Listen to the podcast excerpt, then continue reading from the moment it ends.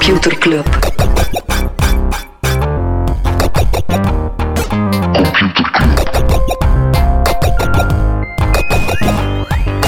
Computer Club. Hey Smolly, Hey Freddy, welkom, welkom terug. welkom. Welkom bij Computer Club, een wekelijkse podcast over technologie.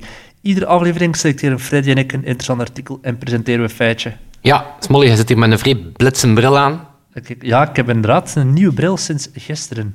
Ja? Dat is echt waar. Ah, ik dacht eh, dat ik, ik had bedoeld als opstapje naar het eh Dus, eh, hij lijkt zodanig hard op mijn bril dat bijna niemand het door heeft. Maar subtiele iteratie. Ja, nee, nu zie ik zie, het, ik zie het, veel het. scherper, dat is het grote verschil. Nice. Oké, maar nieuws over brillen, Smolly. Ja, er is een nieuwe Spectacles in aantocht. Ja, de Spectacles Snap 3. Spectacles 3. Wat gaat die kunnen? Dat weten we nog niet, hè? Ah, wel, mensen die dat niet kennen, wat is de, de Spectacles van Snapchat? Het een bril waarmee je kan filmen en tegelijk die, die video's meteen op Snapchat delen. Ja, wel, het is te zeggen. Het is, je kunt er effectief snaps mee pakken. eh, eh, maar wat ik niet wist, je kunt die niet meteen op Snapchat zetten. Hij dan uploadt die niet thuis meteen. aan een, aan een kabel hangen of wat? Je moet die effectief zinken en dan... En dat is blijkbaar wat iedereen zo'n beetje een buskill vindt. Ja, en ik wist dat niet. En Ik in de niet. nieuwe kan het ook niet. Eh, ondanks het feit dat hij blijkbaar 380 dollar gaat kosten. Wat dat de, meer dan dubbel is van de vorige. Dat is zo precies Jerommeke in een stukje wiskabel om die kon filmen met zijn ogen. Ja, voilà. Maar, dan nieuw ontwerp, HD-camera voor diepte-effecten enzovoort. Hij ziet er ook wel behoorlijk blitz uit. Maar ik kan nog altijd niet meteen op Snapchat uploaden. Ik vind dat echt raar. Ja, dus... Ik dacht eigenlijk dat dat net de hele premisse Ja. was. Oh my god, dat wist ik zelf ook niet. Oké, nieuws, nog nieuws over brillen. De Apple AR-bril. Ja, zit er al een tijdje aan te komen. AR of MR? Allee, ik bedoel zo'n... Wel, eh, dat kan mogelijk een AR- en VR-bril worden, omdat ze weer een aantal vacatures online gezet hebben voor dat soort profielen. En het grootste nieuws daarvan is dat eh, Kim Voorrat is een eh, executive die tot voor kort verantwoordelijk was voor alle software bij Apple. Was eigenlijk de persoon die ervoor moest zorgen dat de releases gehaald werden op vlak van software en getest enzovoort. Want die is nu eh, getransfereerd naar het eh, brillenteam. Wat erop wijst dat het serieus aan het worden is, ja. Ja. Dus dat het niet meer zo in de R&D-fase zit, maar dat ze er nu ja, orde op zaken willen stellen. Dus betekent dat dat ofwel de deadline van 2020 haalbaar is, of net niet? We gaan het zien. Oké, cool. Ander niet relevant nieuws is dat de Y Combinator Demo Day was. Y Combinator is zo de grootste combina eh, combinator, wat zeg je nu? Ehm, ja, eigenlijk een soort zomerkamp Incubator. voor... Incubator. Ja, incubator. Een zomerkamp voor eh start-up mensjes die in Amerika dan eh heel, hele zomer lang leren pitchen en van alles en nog wat En jij hebt dat gevolgd, of ze die demo's? Nee, nee, nee, zot. Maar er, ja, er zijn 84 start-ups die meedoen. Ik heb zo gekeken wat er allemaal tussen zit. Er zit veel brol tussen. Onder andere iemand die duurzame huizen in een zelfbouwpakket wil aanbieden. En iemand die robots ontwikkelt die koffiebaristas zullen vervangen. Wat ik heel cool vond, was Luminai. En Luminai, dat is eigenlijk een soort technologie die ervoor zorgt dat je eh, door muren kan kijken. En dat is super relevant als bijvoorbeeld ehm, iemand gehijzeld wordt. Eh, denk dat Nee, er wel nog use cases mogelijk zijn. Maar oké, ja, als er mensen gehijzeld worden... Human trafficking en, en, en, en domestic violence en zo natuurlijk ook allemaal.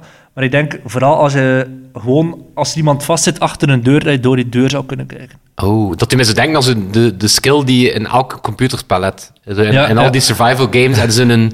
Ik concentreer mij op mijn ademhaling-modus en dan kan ik plotseling eh, zeven deuren ver kijken. Ja. Maar dus- Lumina heeft daar de zoom met 3D-printer, radar, technologie, bla bla bla. Maar ja, Vet. Heel cool om in de gaten te wat is uw eh, topic voor deze week? Eh, Amazon nieuws. Ah, eigenlijk Amazon op zich, die eh, robots in dienst heeft. Misschien. Misschien ook niet.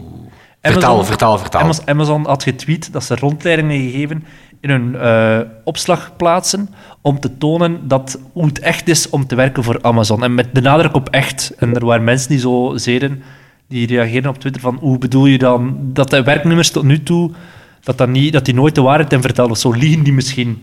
En eh, meteen kwamen er heel veel accounts die erop reageerden, op die tweets, op die beschuldigende tweets van ja, maar nee, het is, het is heel tof om voor Amazon te werken en ik ben hier super graag en mijn job is heel tof. En dat was zo altijd dezelfde Twitter-handles, was zogezegd een Amazon Warehouse Ambassador. Ah, ja. Dat zijn mensen die door Amazon zijn aangesteld, werknemers, om zo wat het goede verhaal naar buiten te brengen. Ah, ik dacht dat dat mensen waren die dan echt met Jeff Bezos op een gunpoint Ja, aan hun computer wel, moesten zitten van... zo, eh, komt het, zo komt het dus effectief over, hè, want dat zijn dan een soort Bezos. ambassadeuren. Bezos. ja, juist, weet het nog? gewoon, ja. Bezos. Bezos, Jeff Bezos. Die, ehm, die zijn zodanig optimistisch over Amazon dat ze, mind you, dat ze mensen in een opslagplaats werken die waarschijnlijk het daglicht al dagenlang niet meer gezien hebben. Die tweeten dan dingen als... Everything is fine. I don't think there's anything wrong with the money I make or the way I'm treated at work. Of... I'm ambassador and I educate others about what we do on our day-to-day job at Amazon. It's just happened that we enjoy what we do. Dat klinkt zo danig artificieel dat mensen begonnen te denken van... Maar is dat nu Ah, dat echt? zo is dat denkt- een algoritme dat je die teksten zit te schrijven? Dat hij zo denkt aan twee van die meme-figuren. Enerzijds, die, noemt hij die een Irakese generaal. Everything is fine everything here. is Ja, fine. Ja, En dan die meme van zo die een hond die in dat brandend gebouw staat. ja. Van everything is fine. Ja, ja, met die zo'n koffiemok vast heeft. eh. Ja, wel, maar zo, zo komt het dus over. Hè. En dan natuurlijk, als je natuurlijk al snel mensen ervan begonnen eh parodies van te maken. Een dude die had getweet, mijn profielfoto van een gastje van 19 jaar, dat, het, eh, super, dat hij heel hard uitkeek naar Amazon Family Day, omdat hij dan zijn kleinkinderen kon meenemen naar het warehouse. en eh, een andere die zei, working at Amazon is so great. I make just enough money to pay my car payment, which is perfect, because I live in my car. I love my job. Fuck, dat is tegelijkertijd ook wel gewoon een verpersoonlijking van iedereen die in Silicon Valley werkt of zo. Ja, ja, absoluut. Eigenlijk zit hij er gewoon kluft op, die haast. Maar er, er, er waren zodanig veel van die shitposters dat Amazon een statement heeft moeten publiceren dat de mensen die zo Amazon ambassador zijn, dat wel echt mensen zijn en geen robots. Ehm, maar in realiteit is dat effectief wel echt een shitjob om zo voor Amazon te moeten werken. hè. Er zijn al heel veel journalistieke stukken naar buiten gekomen dat mensen gekwetst zijn op de werkvloer en daarna hun huis verloren zijn, maar ze ook een job verloren zijn. Daar, The Guardian is undercover gegaan en heeft gemeld dat er eh, mensen gewoon in een fles moesten pissen tijdens de werkuren, maar die gewoon geen tijd hadden om pauze te pakken. Dat is zo'n zotte job. Ehm, maar Amazon Ja, maar dus- dat hoorde trouwens ook over die moderatiejobs. Hè.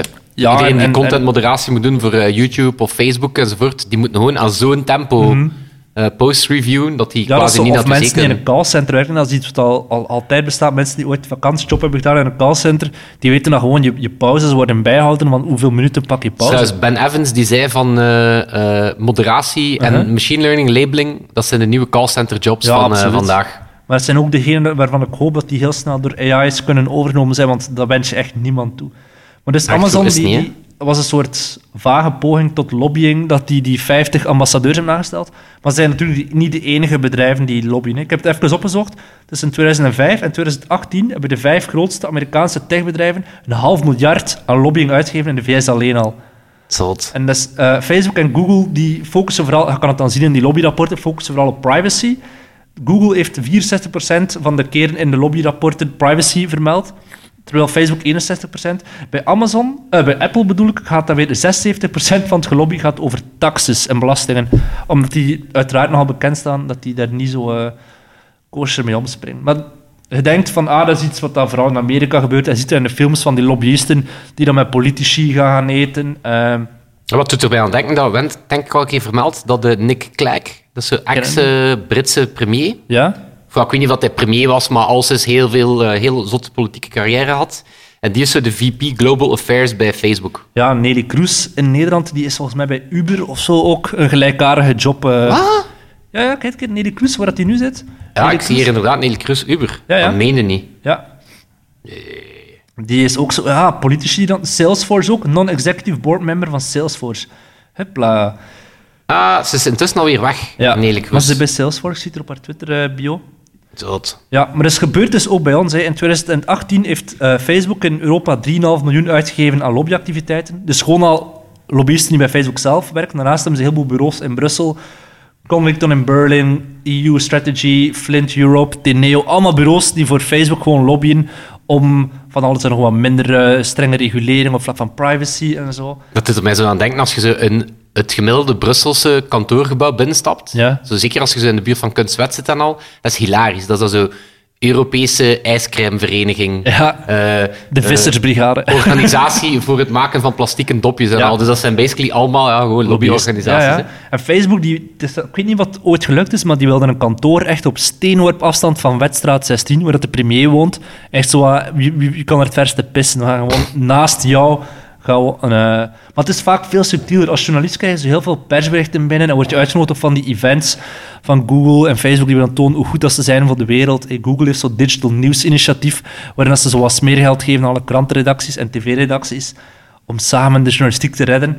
Ja, het is echt gewoon, puur lobbywerk. In Brussel Centraal Station, als daar ooit toekomt, moet je kijken. Boven het bord met alle treinuren heb je het, eh, ik weet niet hoe dat precies noemt, het Brussels Central Station Google Help, eh bla bla bla. Een of ander eh, initiatief. Als jij een KMO hebt, kan je daar naartoe gaan om bij te leren over Google AdWords en zo. In het Centraal Station van Brussel. Maar dat deed er mij trouwens aan denken, zo het Google-kantoor in België. Ja. Dat is super saai. ding, hè. Tuurlijk, dat is dat gewoon zijn echt zo'n allemaal lobby lobbyisten, slash hè. salesapparaat. Dan moet je kijken gewoon naar de vacatures van wie recruteren ze in België. Nooit designers of developers, dat is gewoon allemaal lobbyisten. Ja, zot. Ah, dat doet er mij trouwens aan denken, zo die Amazon-ambassadeurs. Het is Ja, een ja. beetje een eh, niet-technologisch uitstapje. Maar dat gehoord van die Shell-medewerkers en het bezoek van Trump? Ja, dat ja, dus die moesten... Ja. eh, dus Trump kwam op bezoek naar een nieuwe Shell-fabriek. En basically was de boodschap van, kijk, ehm ofwel kom je werken en dan moet je naar die Trump-speech gaan kijken. En dan moet je ook je mond houden. Mhm. Of je komt niet werken, maar dan krijg je geen geld. ja. Dus dat is ook zo van, je gaat hier zijn, je gaat hier gelukkig zijn, je gaat hier eh, mee, eh, meestappen in de parade. Ja, Ja. Nee, Ja, dat is dat- echt zot. Ja, maar ik, had dat, ik, kon, ik kon het niet helemaal plaatsen, omdat die Amba- Amazon-ambassadeurs waren. Ik zag het ook zo passeren. Ja, dat is zo 50...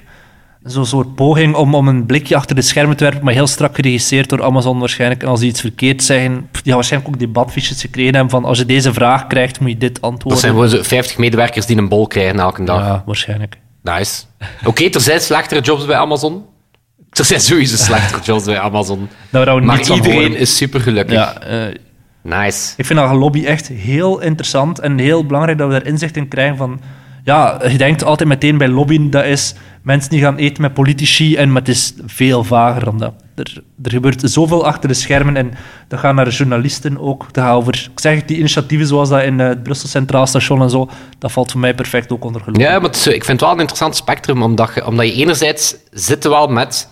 eh, het is wel belangrijk dat je als sector je bepaalde belangen en al kunt, kunt communiceren aan, aan overheden en al. Mhm. Ja, ja, weet het is belangrijk dat je wel met bepaalde sectoriële Ja, ja, kennis dat, kunt dat komen. UNICEF ook aan tafel, dat is evenzeer geloof Voilà, maar UNICEF dat is, dat is een dunne grens tussen Greenpeace. van, van Ja, ja. eh, een gesprek aangaan en eigenlijk gewoon, ja... eh, Ja, zeker ah, dat digital nieuwsinitiatief van Google is echt heel vaag. Hè. Je hebt dan enerzijds werken samen met een krant, geef die 100.000 of 200.000 euro. En anderzijds verwacht je, allee, je verwacht niet, maar die moet wel kritisch zijn over wat jij doet. Dat is Ja. een dunne grens, hey, Smolly. zeg het een keer. Ik heb een weetje voor u en het is eh, super in continuïteit met de, iets dat we al eerder over babbeld hebben. Ik ben benieuwd. Ik jingle voor de- zoeken in ja, mijn schuif. Ook voor de continuïteit. Computerklas. Zeg Smolly. Want onlangs over eh, Python, hè? Ja. twee afleveringen geleden, en over het feit dat de naam afkomstig is van het feit dat de Guido grote fan was van Monty Python. Yep. Hè, dus vandaar de naam. Wel, ik ben een keer gaan zoeken naar van waar dat de namen van alle populaire developertalen komen. Holy shit. Ik heb dat zo niet over HTML, Ja. van die afkortingen, zo van Hypertext Markup Language of SQL, Structured Query Language. Hela. is een blonde hoofd. eh. Een voorbereide man, dat zit hier. Of, super poëtisch, CSS, een Cascading Style Sheet. Wauw. Dat is omdat die ook uitwaait Ja, als je ja. daar naar kijkt. Oké. JavaScript. Van, van het land Java? Ah, wel, dus JavaScript eh, baseert zich op Java. Dus noemde eigenlijk LiveScript. En dat zat voor het eerst in Netscape. En ze hebben dat dan JavaScript genoemd om te tonen dat ze overweg konden met Java. Ja. Java, hè, de, een van de groten, noemde oorspronkelijk ook naar een boom die voor Ja. het kantoor van de uitvinder stond. Zoals Professor ook in...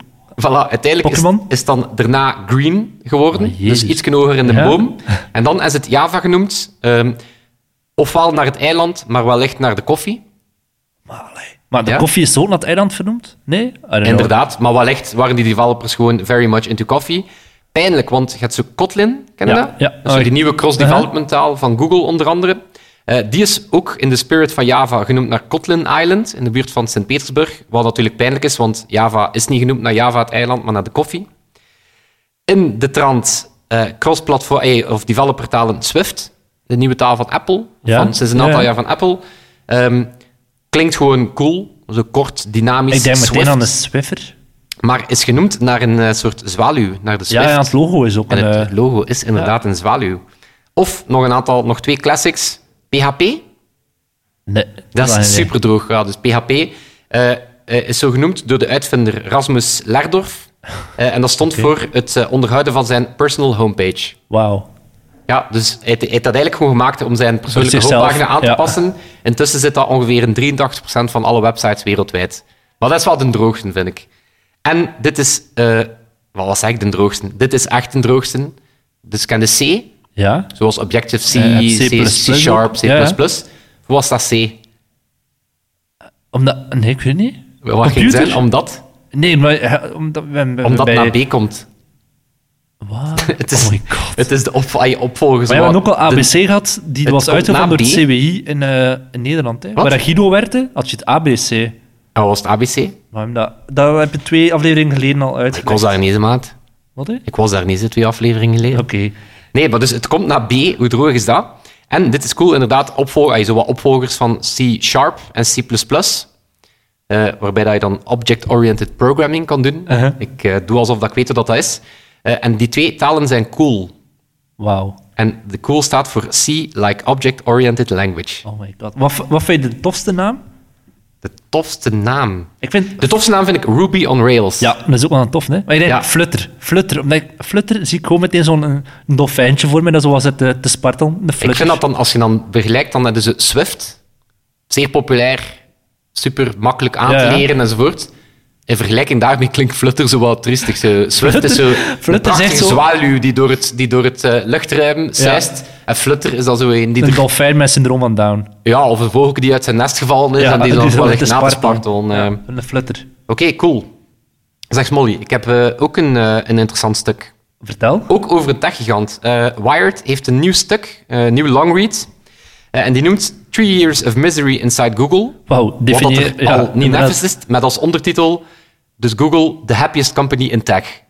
Dus ja, behoorlijk eh Definieer passief-agressieve. longreads in dit geval? Eh 40 bladzijden. Holy. Ik heb dit voor u uitgespit, eh, Thomas Molders. Dus interview zoals we eerder al met Facebook gedaan hebben. Ze hebben met 47 medewerkers en ex-medewerkers ehm, gepraat.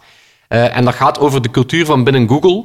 Eh, en hoe dat die een beetje geëvolueerd is van free thinking, alles kan. Don't do evil. eh, don't be evil. eh, obligated to dissent. Eh, dat wordt echt aangemoedigd van het is hier belangrijk dat je niet zomaar akkoord gaat. En we doen town halls om alles uit te spreken.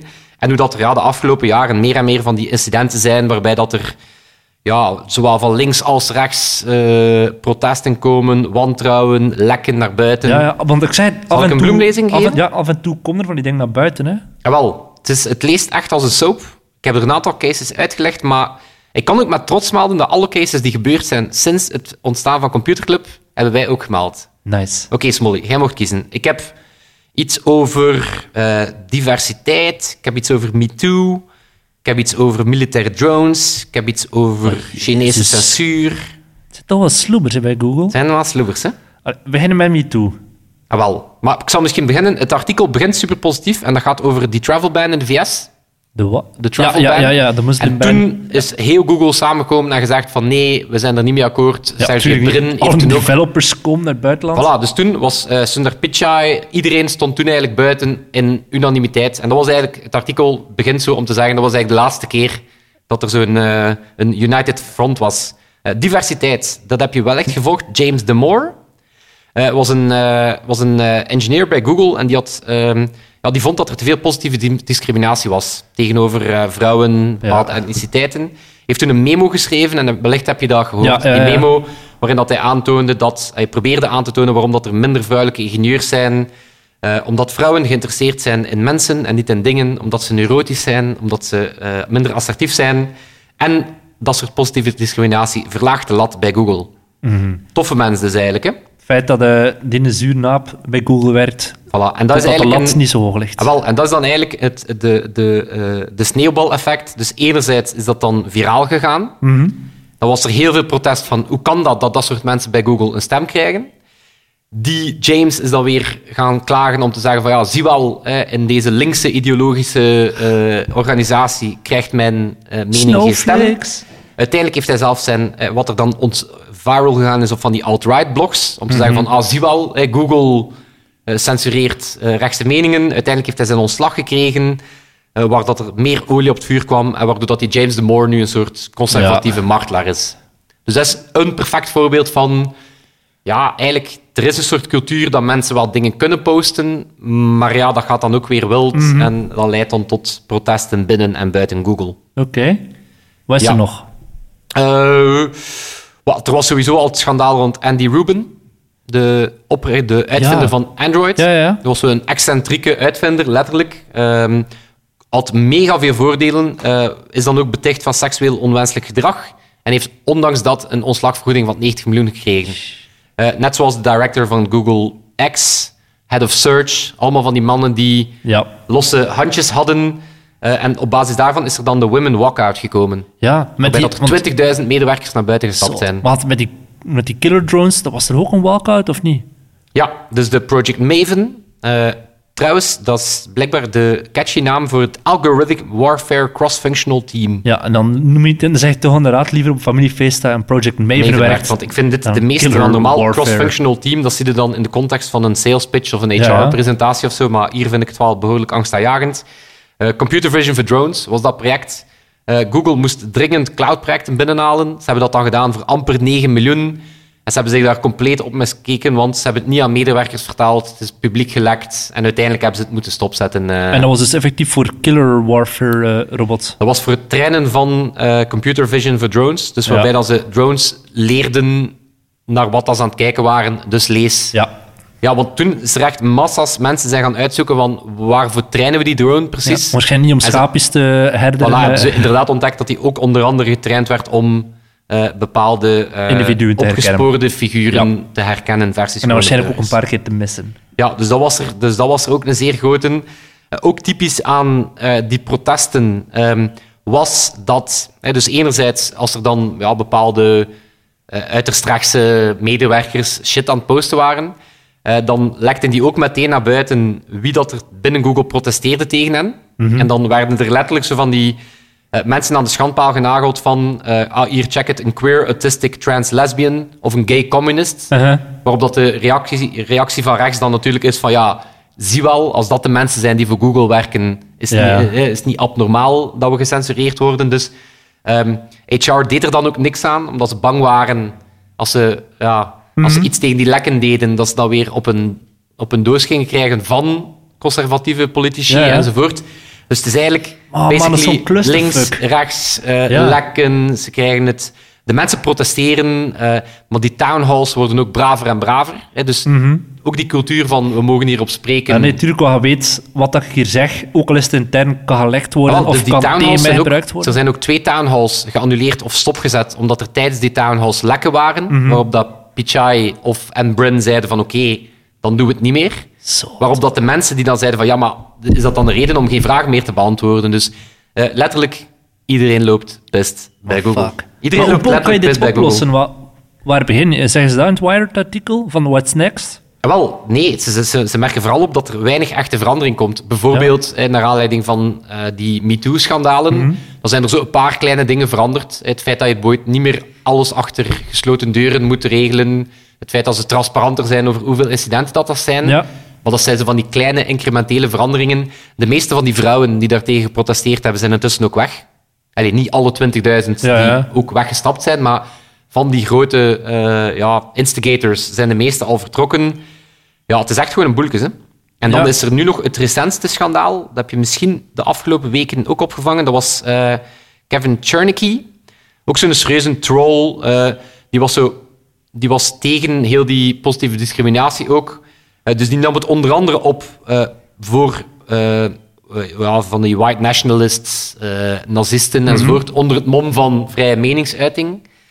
Ehm, heeft dan uiteindelijk ook eh, een waarschuwing van HR gekregen dat dat soort dingen wel echt erover zijn. Dus die is op dat vlak is dan uiteindelijk naar Fox News gestapt om te zeggen van eh, mijn mening, ik word hier monddood gemaakt. En ehm, ze hebben geprobeerd om na de verkiezing van Trump eh, dat nieuws wat te sturen. En ze gaan hun best doen om Trump niet herverkozen te doen Ja, ja. geraken. Zo de spin team die Fox maar al te graag wil overnemen. Voilà, dus dat is volledig beginnen rondspinnen op Fox en andere, andere media, waarop dat de Trump op dit moment een executive order zou aan het voorbereiden zijn eh, om de vrije meningsuiting op Google in te perken. Allee. Want ja, dat is natuurlijk gezond Ja, als één man met één pennetrek even kan... eh, voor alle duidelijkheid, eh, één, er is geen enkel bewijs. Er is geen enkel Natuurlijk bewijs niet. Die dat Google... die naar Fox stapt, die, die weet maar al te goed, Fox gaat dat overnemen. Voilà, er is geen enkel bewijs dat er bias zou zijn tegenover conservatieven of, of rechtse Als media. ik nu als journalist naar Theo Franken stap en ik zeg, ja, bij die krant zitten ze bewust jou te negeren of Of dat Tom van Voilà, Grieken, dan weten dat hij daar gewoon een tweet gaat over doen. hè. daarover Voilà. en staat overal. Eh, en ook extra ironisch, want het is net door eh, de Google Search, het YouTube-algoritme, dat dat soort alt-right, eh, fake news, Mhm. eh, Russische manipulatie, überhaupt in de eerste plek een forum gekregen heeft. Ja. Dus dat heb ik altijd zo ironisch gevonden met Trump en zijn fake news, is dat hij, ja, het is door fake news, door echt fake news, dat hij in de eerste plek verkozen is geraakt. En nu spint hij die narratief van Ja, natuurlijk, maar hij weet, hij weet wat hij doet. op maar voilà, dus, eh, ja, dus, en, en nog, nog een laatste anekdote uit het stuk, maar het is echt de moeite waard. Het is 40 bladzijden, maar het, het leest echt als een, als een soap. Eh, ooit Project Dra- Dragonfly gehoord? Nee, denk ik niet. Dat was de zoekmachine van Google in China. Ongeveer tien jaar geleden had Google een gecensureerd versie... of zo? Ja, die had een versie in China. Eh, die was gecensureerd. Toen hebben ze wel unaniem gezegd, nou nee, dit past niet. Ook Sergey Brin en zo heeft gezegd van ja, dit strookt niet met onze missie, dat we de wereld, de informatie voor de Mhm. Wereld toegankelijk ja, ja. willen maken. Ze zijn er toen mee gestopt. Dus lees Gewoon het oude Google. China? Ze hebben ze gewoon gezegd, we stoppen. Eh, toen hebben ze gezien hoe dat alle andere techbedrijven wel degelijk in China veel geld verdienden. En toen zijn ze uiteindelijk eh, terug naar China gegaan met een zoekmachine waarbij dat bepaalde dingen gecensureerd waren. Human, Square, niets te ja, vinden. human rights, student protest. Hongkong bestaat niet. Als je op air quality zocht, dan kreeg je government-sponsored results. Oh god. Ehm, onder het mom waar dat Pichai zei van ja, maar ja, China is wel een vijfde van de wereld en daar Heel veel überhaupt zijn is een positief effect. Eh. Ehm, en ook daar kwam dan ja, massale protest van, Hmm. eh, ook vanuit de politiek, waarbij dat ze zeggen van ah, Google wil niet voor onze, ons leger werken, Ja, ja. maar wil dan wel voor China En werken. daar in, in dat land kunnen ze wel censureren. Voilà, waaruit dat ze zich terug moeten terugtrekken hebben met Project Dragonfly. Dus het is gewoon typisch hoe dat heel die cultuur van Google, waar dat die ooit zo... eh, ja, we, we hebben, we spreken hier met van die genieën en iedereen mag hier vrij zijn. En nu liggen ze daar eigenlijk gewoon te vechten op de vloer. Het is een beetje symptomatisch voor ja, de, de bredere samenleving, denk ik. Dat zelf binnen Google, uiteindelijk zijn die met zodanig veel dat ja, ook daar, eh, links, rechts, eh, het En de media worden ook in bespeeld. Je wordt in meetrokken, zoals hij zegt, met Fox News en zo. Dus Voilà. geen makkelijke... Maar dus, dit was de korte samenvatting. Eh, het stuk is echt zeker de moeite waard. Drop je het anders in de groep? echt als een, als een trein. Smijt maar in de Facebookgroep anders. Alright, maar dan hebben we ja, toch wel Amazon, lobbywerk, protesten bij Google. PHP. Het was een sensatievolle, het was een sensatievolle aflevering. Oh god. Alright, dan gaan wij nog onze sensatiekoning Sebastiaan bedanken. Merci Sebastiaan. En dat zal het zijn. Tot volgende week. Volgende week. Yo. Yo. Computer Club.